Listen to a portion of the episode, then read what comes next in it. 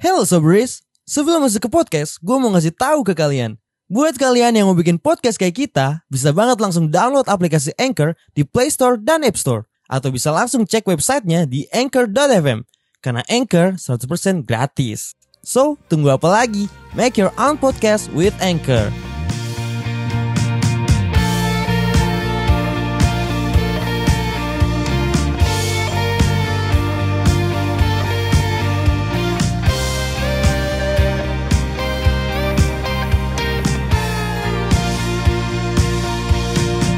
Halo Sobri, selamat pagi, siang, sore, malam. Kembali lagi di konten Moody dari Poser. Dan kali ini Moody with gue, Rio Harun Firmansyah Laki atau pria yang paling tampan di dunia dan akhirat. Alhamdulillah, insya Allah, amin, masuk surga.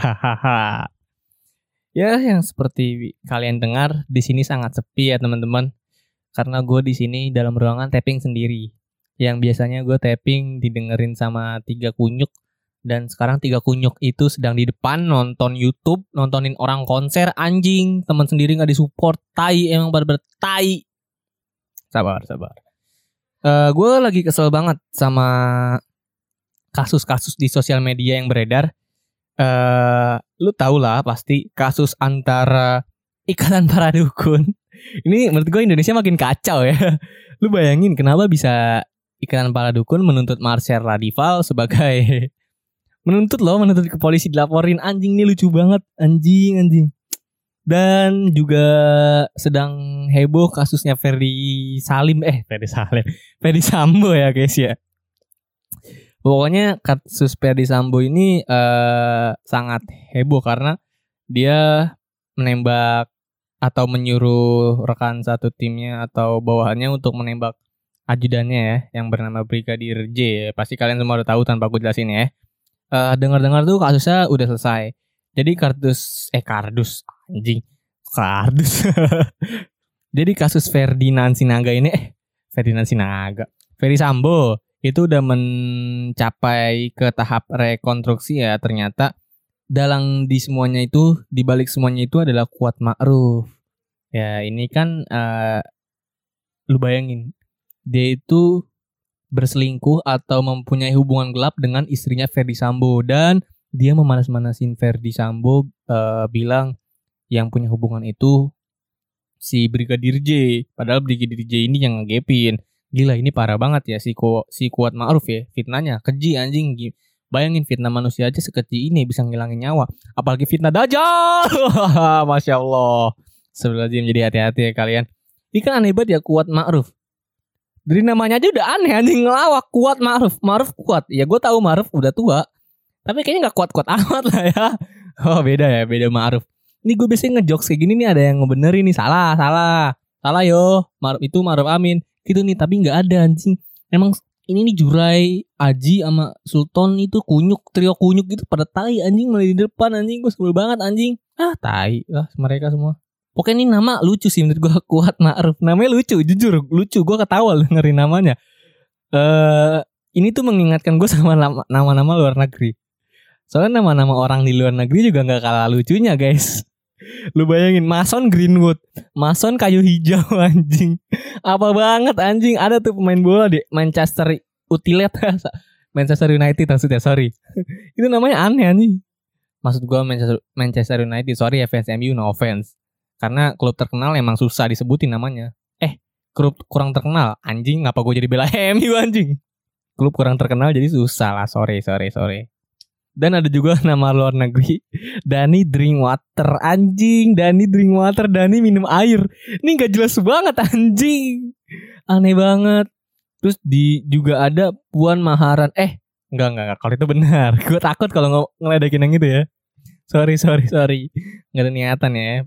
Dan eh gue kemarin abis dari ngecamp weekend kemarin, gue sempet ngecamp sama teman SMA gue bertujuh, ya bertujuh dengan tenda kapasitas empat orang.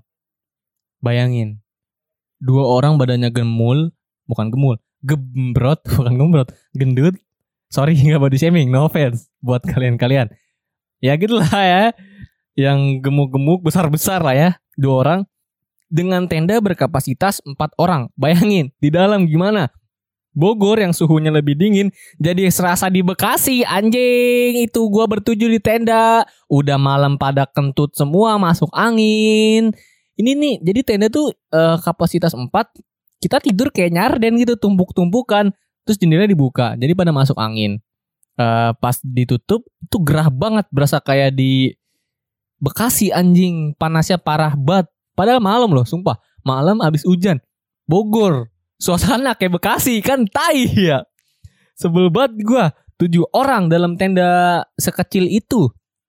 Dan pas gue lagi tidur, pas gue lagi tidur, ini ada yang kentut anjing. Lu bayangin gue tidur, lagi nyenyak-nyenyak. Kok tiba-tiba pantat gue geter anjing. Perasaan gue gak kentut. Tahu-taunya teman gue kentut anjing. Lu bayangin tenda kapasitas empat orang diisi tujuh orang di dalam ada yang kentut, anjing, udah pengap, bau tai. Emang bangsat itu orang-orang. Dan uh, ada yang pernah bilang kalau kita nanjak gunung, kita uh, kita pasti bakal tahu sifat asli teman kita. Ini belum, ini bukan nanjak gunung.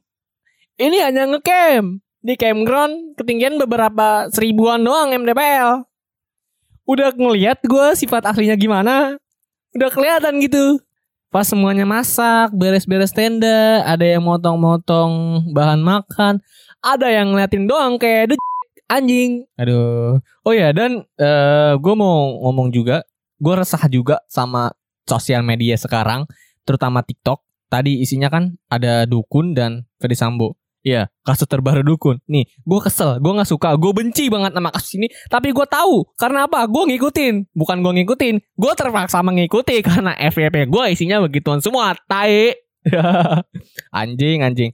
Uh, jadi si dukun ini, si Jindan itu uh, ninggalin pengacaranya ya kan, dan pengacaranya itu marah-marah si Jinjan itu tidak mengaku dukun sekarang tapi pengacaranya itu malah ngotot. Kalau Jinjan itu dukun kok dia ngaku-ngaku dukun kok kemarin kok. Waduh pokoknya dunia Indonesia itu aneh banget di saat yang lain. Negara-negara lain sudah menciptakan motor list uh, sorry motor untuk terbang mobil-mobil terbang. Kita masih stagnan pada dukun. Lucu anjay. Aduh aduh. Pokoknya wusi wusi banget dah wusi besi yo besi. Allahumma barik lana. itu gue lucu banget anjir dia FYP gue kayak gitu-gitu. Dia uji kebal gitu kan. Aduh, aduh. Dan di antara kedua masalah itu ya, ada sesu sesuatu atau sekelompok, bukan sekelompok sih.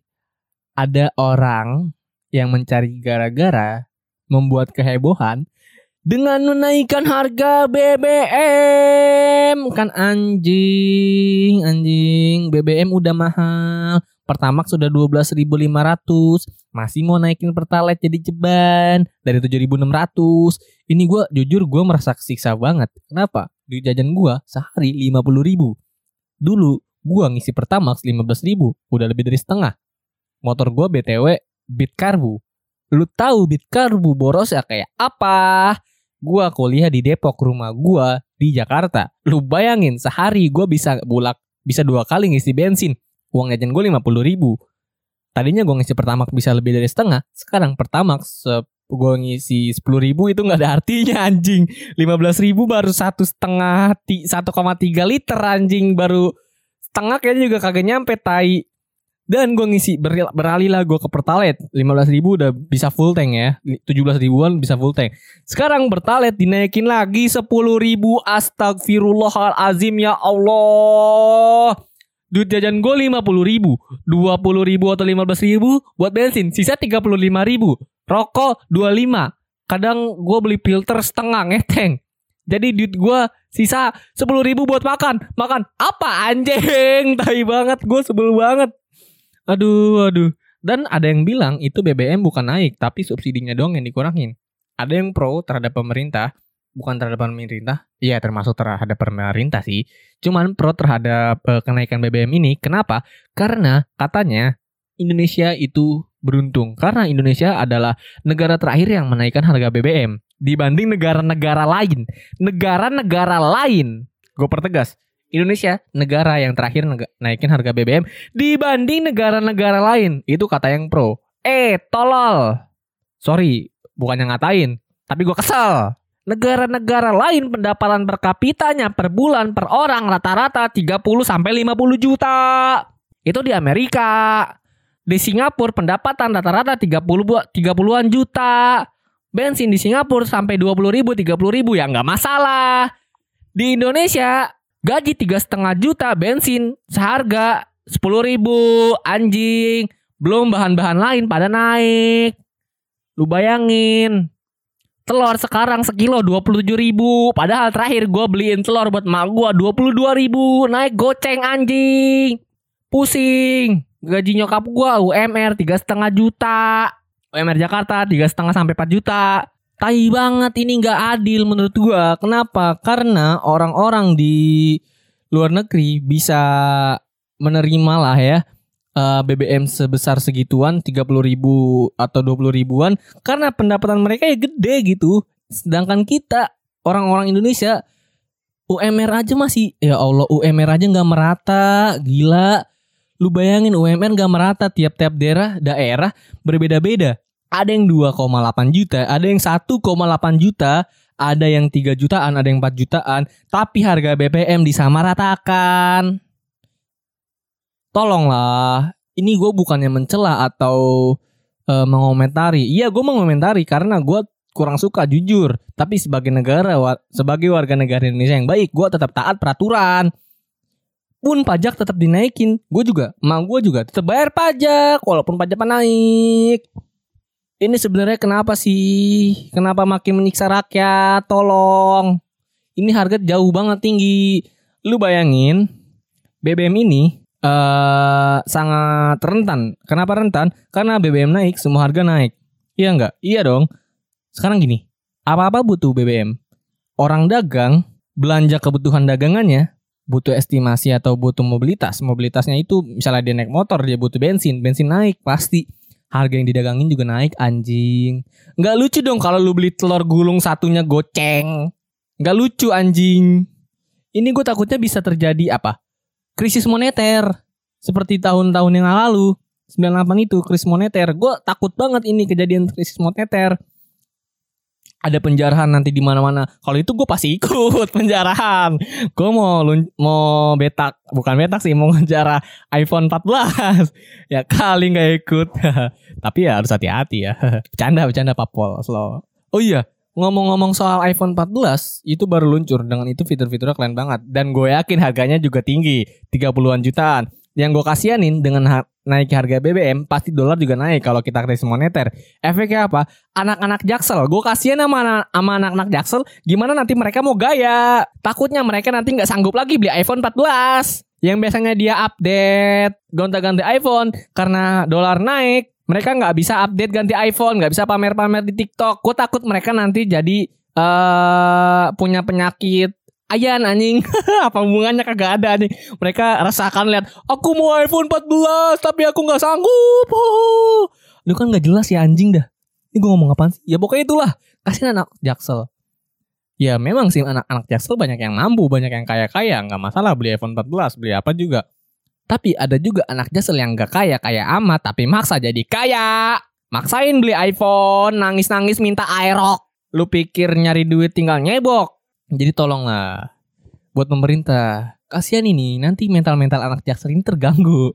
Tolong nanti misalnya dia galau anak-anak jaksel biasanya kecanggu harga tiket ke Bali cuman beberapa satu jutaan doang. Ini misalnya nanti naik jadi 5 juta kasihan anak jaksel. Mau healing kecanggu mikir-mikir. Bukannya kecanggu malah ke tangkuman perahu. Tadinya naik pesawat jadi naik jalur darat. Tadinya healing ngebar-ngebar di Bali, party-party di Bali, sekarang cuman ke pasar malam di Ciampea. Aduh tolonglah pemerintah, tolong lihat juga mental-mental anak jaksel kalau nanti BBM terus naik gimana. Yang seminggu dia bisa tiga kali kebar, tiga kali bungkus cewek. Sekarang bisa cuma satu kali. Itu juga kalau bisa, kalau enggak seminggu dia nggak bungkus cewek, takutnya mereka kejang-kejang, ayan. Karena resah. Aduh. Tolonglah pesan gue untuk pemerintah. Tolonglah eh setidaknya tidak masalah. Gue sih nggak masalah ya subsidi ada atau nggak ada untuk BBM. Tapi tolong pendapatan per kapita atau UMR itu dinaikin lah. Ya 10 jutaan juga cukup sih biar nggak terjadi krisis moneter. Karena kalau terjadi krisis moneter yang susah kalian juga kita semua malah yang susah. Tolong jangan memicu api dalam panas. Slow. Gaya banget omongan gua. Emang gua siapa? Sorry ya. No offense. Sekali lagi. Gue sampein ini hanya keluh kesah gue. Seorang remaja berusia 20-an ya. Ya mungkin eh, buat para pendemo pendemo mahasiswa-mahasiswa pendemo atau demonstran di sana, gua minta semangat. Walaupun suara kalian dicuekin atau belum didengar ya, tolonglah. Tapi gua gini-gini tuh, walaupun BBM naik, UMR kecil, gue tetap cinta eh, sama negara Indonesia. Karena agama gue Muslim. Kita sebagai Muslim itu hidup di dunia adalah untuk menuju akhirat. Ingat, gue garis bawahi di dalam di, di Muslim kita hidup di dunia untuk eh, menabung kehidupan di akhirat. Gue nggak resah kita sengsara. Rakyat Indonesia misalnya sengsara di Indonesia, gue nggak resah. Kita di akhirat masuk surga kok. Kata Maruf Amin. Orang Indonesia adalah orang yang paling banyak masuk surga. Bahasa Indonesia akan dipakai di surga. Masya Allah. Pokoknya gue bangga banget gue sama Indonesia. Ya mungkin eh, kita sedang diuji ya orang untuk orang-orang Indonesia mungkin kita di Indonesia di dunia ini sedang diuji ya guys ya. Karena eh, sebenarnya kita akan enak-enakan di surga ya. Jadi ya bersabar-sabar aja lah ya. Ikutin aja alur-alurnya. Pemerintah mau naikin BBM mau eh, naikin BBM naikin harga-harga listrik atau apa juga ya biarin aja atau kita akan ujung-ujungnya di surga. Ayo enggak. Slow friend, slow guys. Haha. Tapi gue bingung kenapa bisa subsidi dipotong. Apa dimakan makan mereka ya? Oke, terima kasih sekian dari gue. Itu hanyalah keluh kesah gue. Sekali lagi no offense. Ini adalah eh, perkataan-perkataan liar dari seorang remaja.